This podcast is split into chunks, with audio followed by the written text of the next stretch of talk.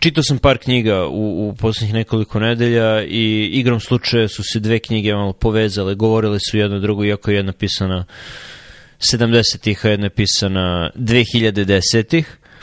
Da počnemo ovo iz, ovo iz 2010. Knjiga je kako se biš zove, e, where good ideas come from ili where great ideas come from. Odakle dolaze dobre ili odlične ideje, ne sjećam se u ovom trenutku. Od Stevena Johnsona koji je novinar koji piše o nauci Mislim da živi u Americi, je Britanac je, piše puno knjiga, hiperproduktivan je, i ovo je knjiga koju je pisao 2010. i opisivao je koji, šta, šta treba da se desi da bi ljudi došli do novih ideja I ono, ok, knjiga, pisat o njoj, počeo sam da pišem na, na blogu, šta god, razložit ću ali jedan detalj mi je upao u oko, zapao za oko, upao u oči, a to je da on ne zna razliku između otkrića i izuma. I njegova teza je da patenti i sistem patenata koji postoji u Americi ometa razvoj novih ideja, jer se pokazalo da ima mnogo više ideja u poslednjih 20-30 godina od vremena interneta koji je povezao sve. E, ima mnogo više ideja koje su e, nastale u sredinama koje nisu toliko opterećene patentima i koje su otvorene, u kojima se ima mnogo deljenja i deli se znanje i znanje se brzo širi, dok je mnogo manji broj ideja nego što bi očekivao uh, E, nastao u privatnim kompanijama koje su e, te ideje patentirale i od toga napravile proizvode. A o kom prostoru ideja govori? E, tačno tako. Odlično pitanje. Zato što je on napis, na, napravio jedan grafikon koji je bio 2x2 i e, podela je bila individua kolektiv – i ono, u poslednjih 100 godina kolektiv je bolji od individue što se tiče novih ideja, to je jasno. Većina novih stvari nastaje u grupama, a druga podela je bila između otvoreno-zatvoreno. I otvoreni kolektivi su e, akademija, univerziteti, naučni instituti, zatvoreni kolektivi su velike kompanije – e, i, i ono vidiš tačno, mnogo više tačkica se nalazi u delu gde su otvoreni kolektivi od zatvorenih kolektiva, ali ono što je ono otvoreni kolektiv, to su stvari tipa genom, e, tipa... Ali kako je definisao ideju? Šta, šta je po njemu definicija ideje? Publikacija u članku? Mislim... Upravo to, upravo to. Ono što je on uradio, uh, E, ne, ideja je kao bilo šta novo, bilo šta novo što ljudi saznaju. To je, to je ideja. Ali to je definicija koja je problema... Izvini, neću te prekidam, možda on razlaže to knjize, verujem da ti imaš svoju kritiku, ali to je definicija problematična sama po sebi, zašto većina stvari su manje više iteracije i gde, gde povučeš crtu. Znači, da li ide električnog automobila sada i da li onda, recimo, da li Tesla inovira po bilo čemu, isto je fora što u određenim domenima neke ideje postoje, ali problem je u primenljivosti, a da li onda nova ideja ako si našao način kako da primeniš novu tehnologiju koja je postala samo u laboratoriji, a ti sada imaš fabriku koja proizvodi to na hiljade. Upravo tako. Ono, on, on nije napravio razliku uopšte, niti to spomenuo, niti se te dve reči e, nalaze u knjizi, ako se nalaze onda su zamenjive, onda su kao sinonimi, između otkrića i izuma i on je pomešao otkriće i izum, postoji fundamentalna razlika među otkriće i izuma, Uh, gde bih ja rekao da je otkriće nešto što već postoji u svetu i na ljudima je da ga definišu, pronađu, opišu, dok je izum nova kombinacija stvari za koje već znamo, koja povećava produktivnost, na, na, pravi neku novu funkciju, radiš nešto novo. Ok, a onda, mislim, moja definicije se preklapa, ali možda bi onda samo definisao još jednu kategoriju, to je da otkriće nešto što a, jednostavno u trenutku samo predstavlja novo znanje, dok izum je često orijentisan rezultat orijentisanosti ka nekom problemu koji pokušavaš da rešiš. Mislim, jer ljudi izumu nešto kada pokušavaju da reše problem, zato uvek različno, ne znam, o inženjerskim ono, rešenjima za određene probleme. Tačno tako. I onda ti za izum, za nove izume potrebno da su ti nova otkrića, da bi rešio neki novi problem potrebno da znaš stvari o svetu i postoji, čini mi se, jasna podela, lepo se isprofilisalo da su otvoreni kolektivi, to jest univerziteti, jako dobri u, otkri, u otkrićima, u opisivanju stvarnosti i neki put tu dođe i do izuma gde ti pronađeš neku novu metodu kako bi rešio neki problem kako bolje da opišeš svet tako da u toku ne znam ti želiš da otkriješ nešto u mikroskopskom svetu tako dođeš do izuma koji se zove mikroskop tako da može i akademija mogu i otvoreni kolektivi da dođu do, do izuma ali uglavnom izumi kao praktično rešenje za neke probleme to je domen zatvornih kolektiva to je domen to je domen uh, industrije firmi. Da, ma opet da, mislim da možeš da po tu definiciju svedeš, mislim, ono, svaka nova metoda koja proizvodi neku novu stvar može da bude izum i možda jeste dosta njih dolazi iz domena kolektiva, ali problem tih izuma je što nisu primenljivi, nisu uh, reproducibilni u smislu da možeš da od toga napraviš nešto što isto što može da skalira, ne znam kako bi preveo na srpski scale. Znači jedna stvar je ako ti možeš u laboratoriji da imaš određenu preciznost lupom neke intervencije na ćelijom, druga stvar je kada ti imaš industrijski kompleks koji garantuje određenu preciznost koja mora da postoji da bi održavao proizvodni proces. Mislim, hoću kažem, da i kolektivi dovode do izuma, ali su oni na mnogo manjoj skali. Eto tako da kažem. Ne rešavaju taj problem, ne rešavaju problem skale. Da, a problem skale se uglavnom rešava i problem bilo čega što zavisi od pomeranja atoma i molekula u stvarnom svetu, dakle bilo čega fizičkog, zavisi od resursa i od para koje imaš. Uh, akademija obično nema dovoljno para za to, tako da su ti za to potrebna veća financijska sredstva. Uh, i patenti, tu dolaze patenti. Dakle, ono što me iznenadilo što je on, koji je pisao knjigu 2010. opisao patente kao nešto i to rekao, patenti su metod da se nagrade izumitelji, ali mora da se pronađe neki drugi način da se izumitelji nagrade, e, tu je status, tu je trala i onda daj par primera, ali to je pogrešna premisa, jer svrha patenata nije da se nagradi izumitelj, svrha patenata je da se osigura da će investitori u taj izum, koji nisu izumitelji, skoro nikada, rekao bih nikada, redko je izumitelj isto vreme investitor, redko ko daje sobstvene pare da, da nešto razvije. Patenti su tu da investitori obezbede da neće novac koji oni traš, troše u razvoju nekog izuma u konstantne iteracije, pokušaje, jer da bi se neka ideja sprovela u delo potrebne su godine i godine. To je način da se, da se osigura da neće neka druga firma kada oni već završe sve i kada obave težak deo posla, da dođu tu i da samo pokupe kupe kajmak i da iskopiraju to njihov mukotrpan rad. Znači, patenti su tu da obezbede sigurnost uloženih sredstava za investitore koji ulažu taj izum, a ne da nagrade izumitelja. A to znam ne zato što sam jako pametan, vidi Miloša zna sve, nego što sam igrom slučaja knjiga koju sam pročitao, prva knjiga koju sam pročitao pre ove je bila Pieces of the Action Varnevara Busha, koji vratno nije poznat nikome u Srbiji, meni nije bio poznat, ali on je on, velika figura u istoriji Amerike jer je prvo počeo kao izumitelj, onda profesor na MIT-u, onda je bio glavni e, glavna veza između nauke i e, FDR-a, Franklin Delano Roosevelta za vreme drugog svetskog rata, gde je organizovao E, razvoj tehnologije za rend Rostarskog rata, uključujući atomsku bombu, tako da se on dosta spominje u onoj knjizi How to Make...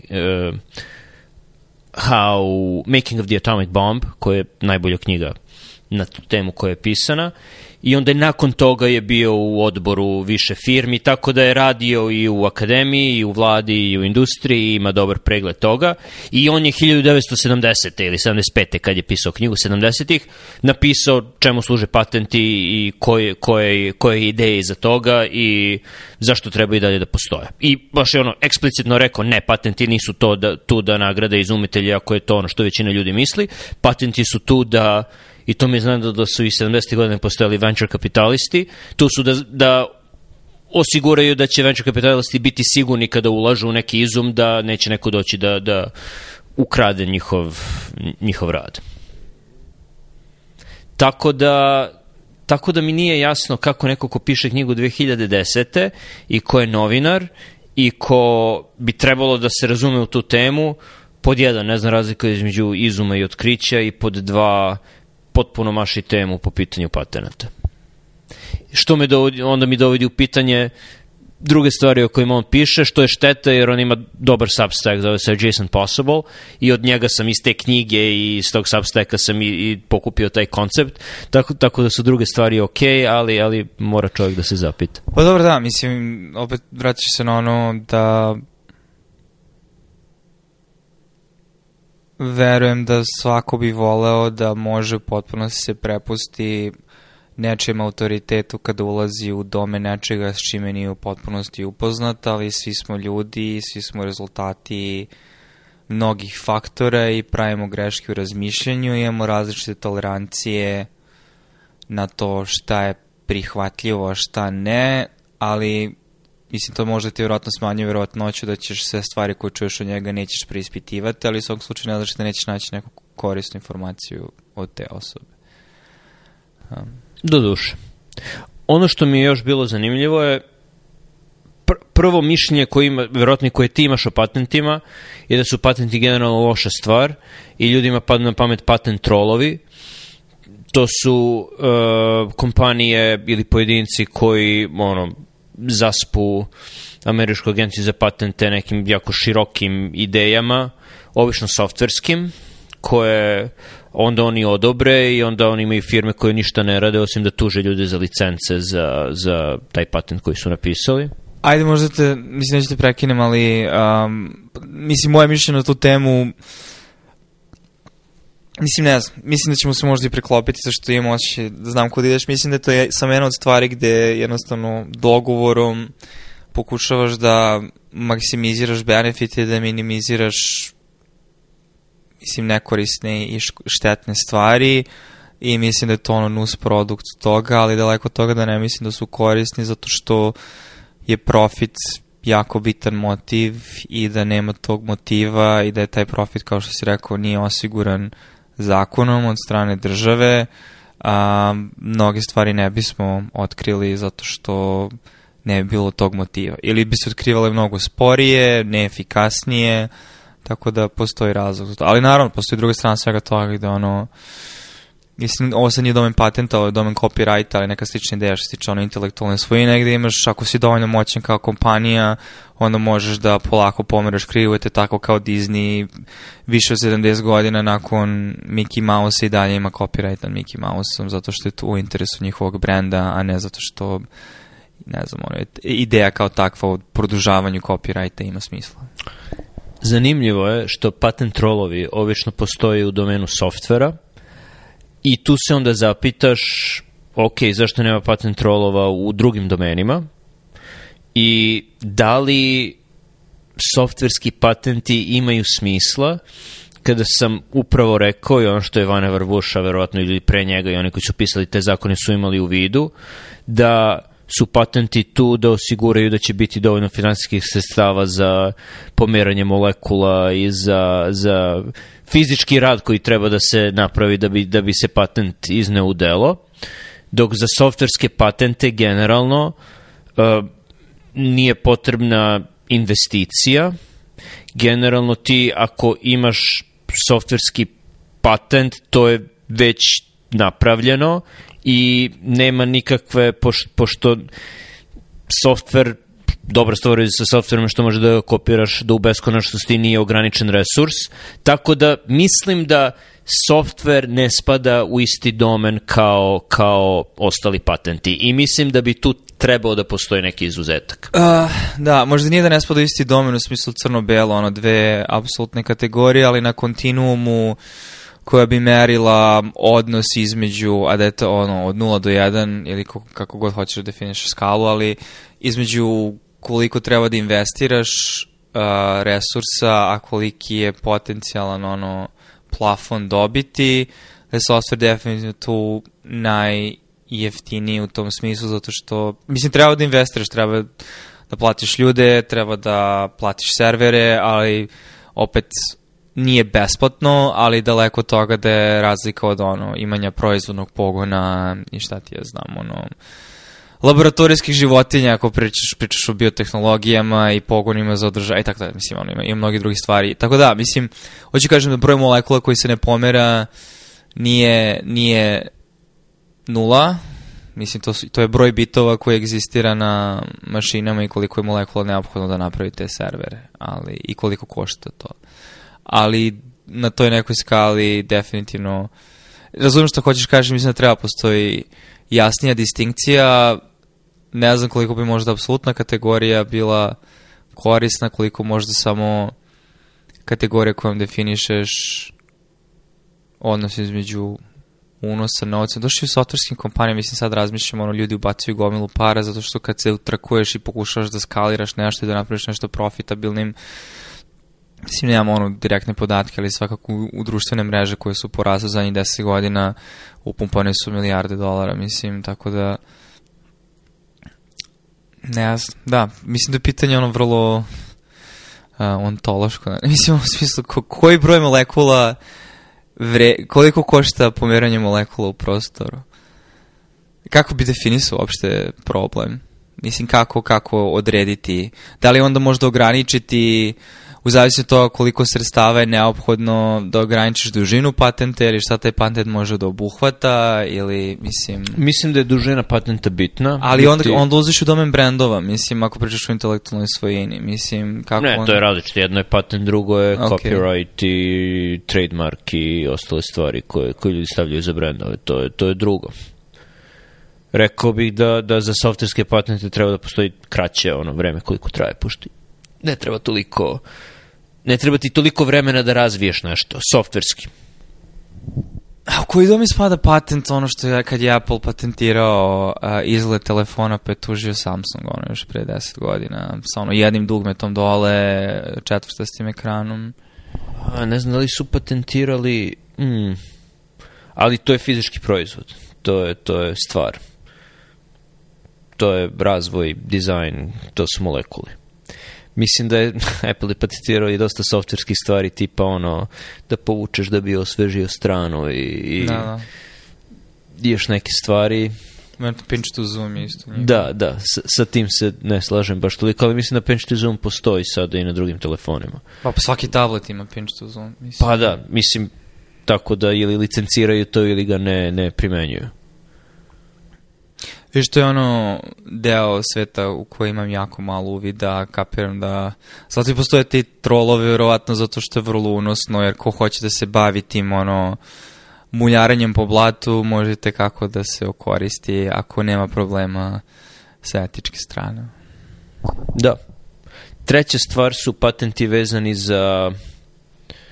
Uh, za lekove ne, pošto su lekovi dosta jednostavno, jer uh, potrebno je puno para da se razvije neka ono, molekul neki da istestiraš toksikološki na životinjama itd. itd. Tako da to ima smisla.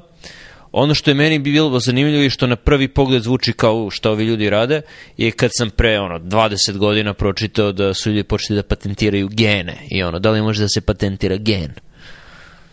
Šta ti misliš o toj temi? Imaš li uopšte mišljenje o toj temi? U kom smislu da patentiraš gen?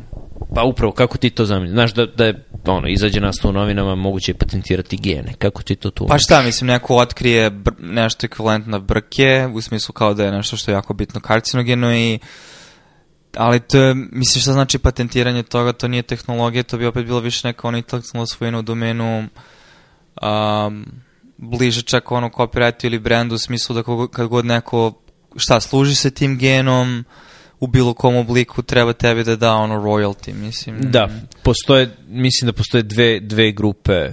Jedno je detekcija nekog gena i to može da se patentira i ne, možeš da, čak da, ne moraš čak ni da kažeš ok, hoću da primenim ovo ili onaj metod, nego ok, hoću da, da vidim da li postoji mutacija ovako gena zbog ovoga i to može da se patentira i to je kod diagnostičkih testova bitno, a druga stvar je terapijska upotreba gena i ti možeš da napišeš široki patent gde kažeš hoću da iskoristim ovaj gen za terapijsku primjenu kod ljudi, tačka. I... Pa dobro, ali ti možda patentiraš terapeutski modalitet, ali zašto bi... Razumem što hoćeš da kažeš, ali um, i vidiš, eto, mislim da sam načuo stvari poput toga, ali mi nikad nisu, nije mi logično, zato što opet uh, se svode, izvisno to pokazuje koliko smo antropocentrični, zašto niko ne patentira sazvežđe? Mislim, u smislu, znači ovo je nešto što je opet na neki način definisano i zasnovano na ono, uh, ono, novom principu ili kako je Jacobo no, znači gen RNK proteina.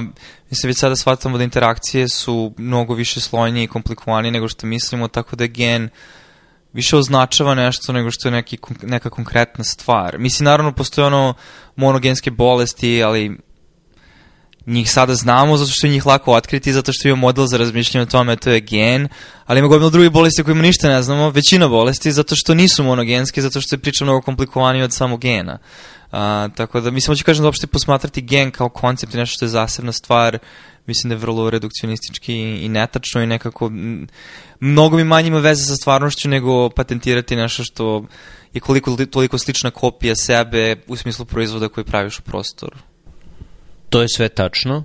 Problem je što američki zakon o patentima je star sada već stoji našto godina i uopšte ne uzima u obzir niti software, niti gene, niti molekularnu biologiju, tako da njihova jedna kancelarija za patente kad dobije neki zahtev mora, mora da razmišlja sa onim što im je dato, a to što im je dato staro preko 100 godina. Tako da je zbog softvera i zbog uh, molekularne biologije mislim da je potrebno da, da napišu nove zakone.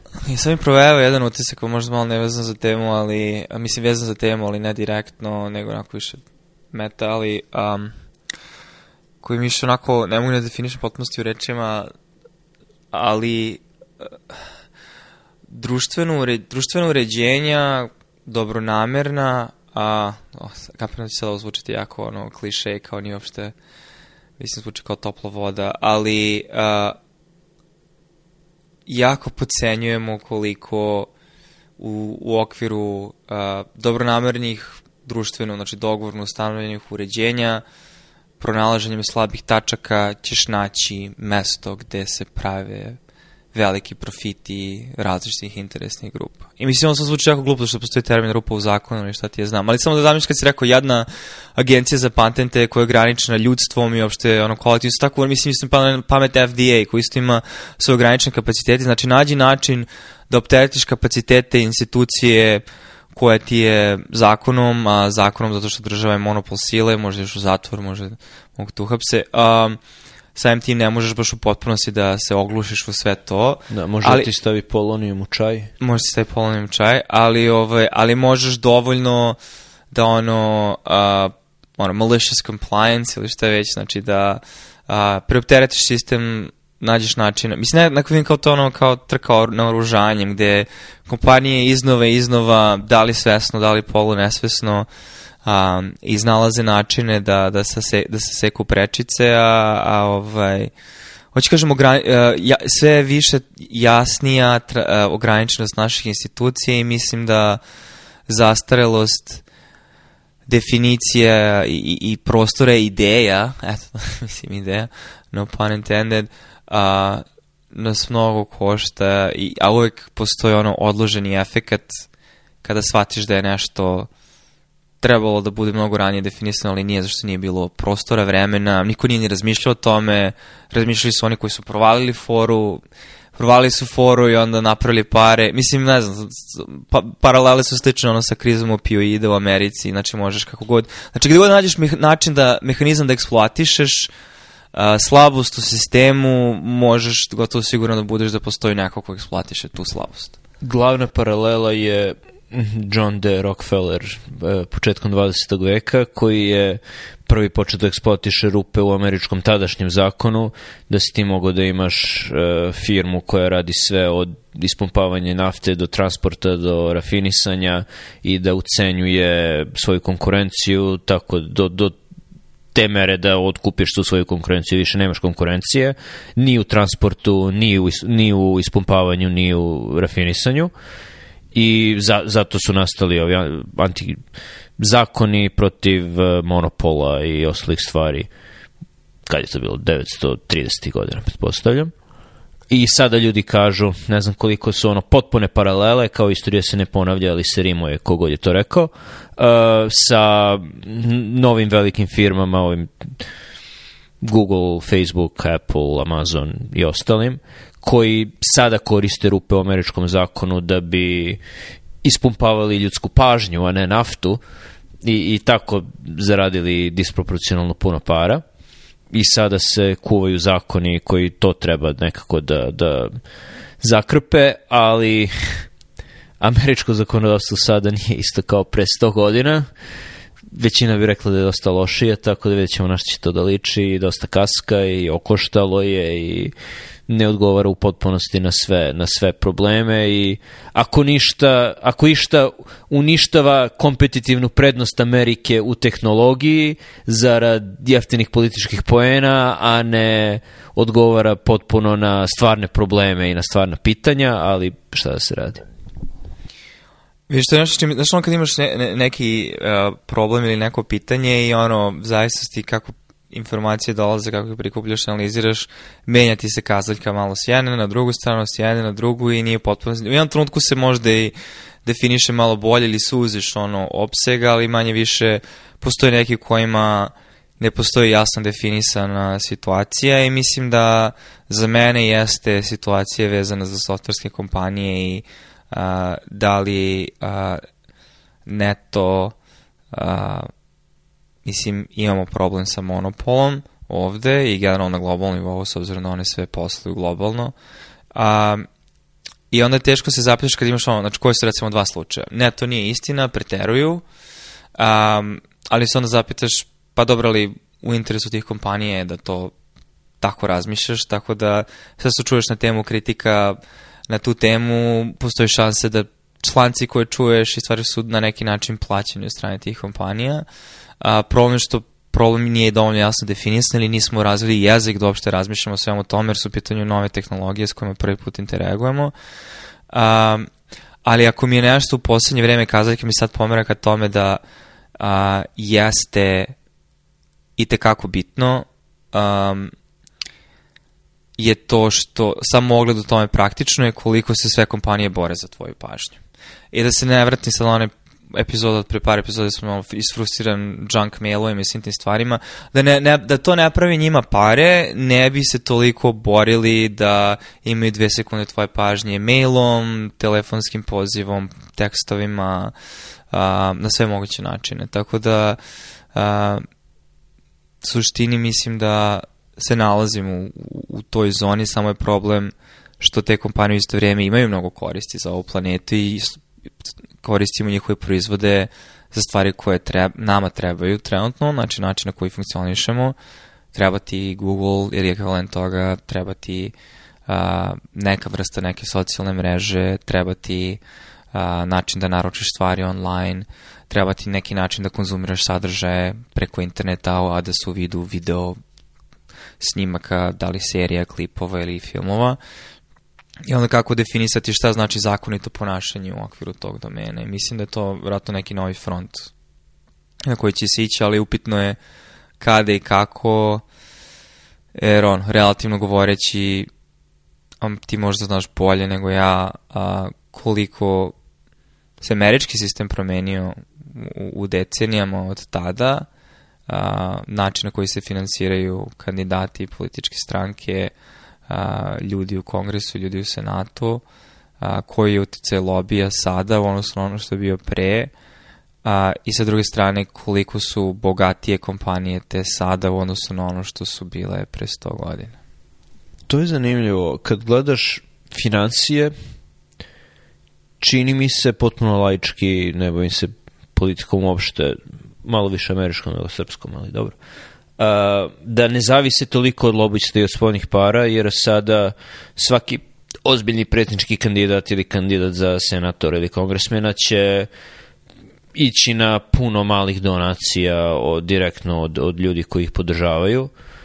Tako je ako gledaš donacije, ne znam, za Trumpovu kampanju, za, za kampanje, kampanje većine senatora i, i kongresmena, to je postao predominantni način da, da dobijaš novac zvanično nezvanično, ne znam, e, ne znam koliko lobiranje utiče na odluke, ali znam da softverske kompanije minimalno lobiraju u poređenju sa farmaceutskim, E, osiguravajućim, osiguravajućim društvima, u poređenju sa vojnom industrijom, u poređenju Zašto sa nisu morale do sada, ali sada kad su bila sva ova saslušanja, mislim da su sve kompanije ozbiljno razmislile o tome kako će uticati na kongres, mislim, nakon...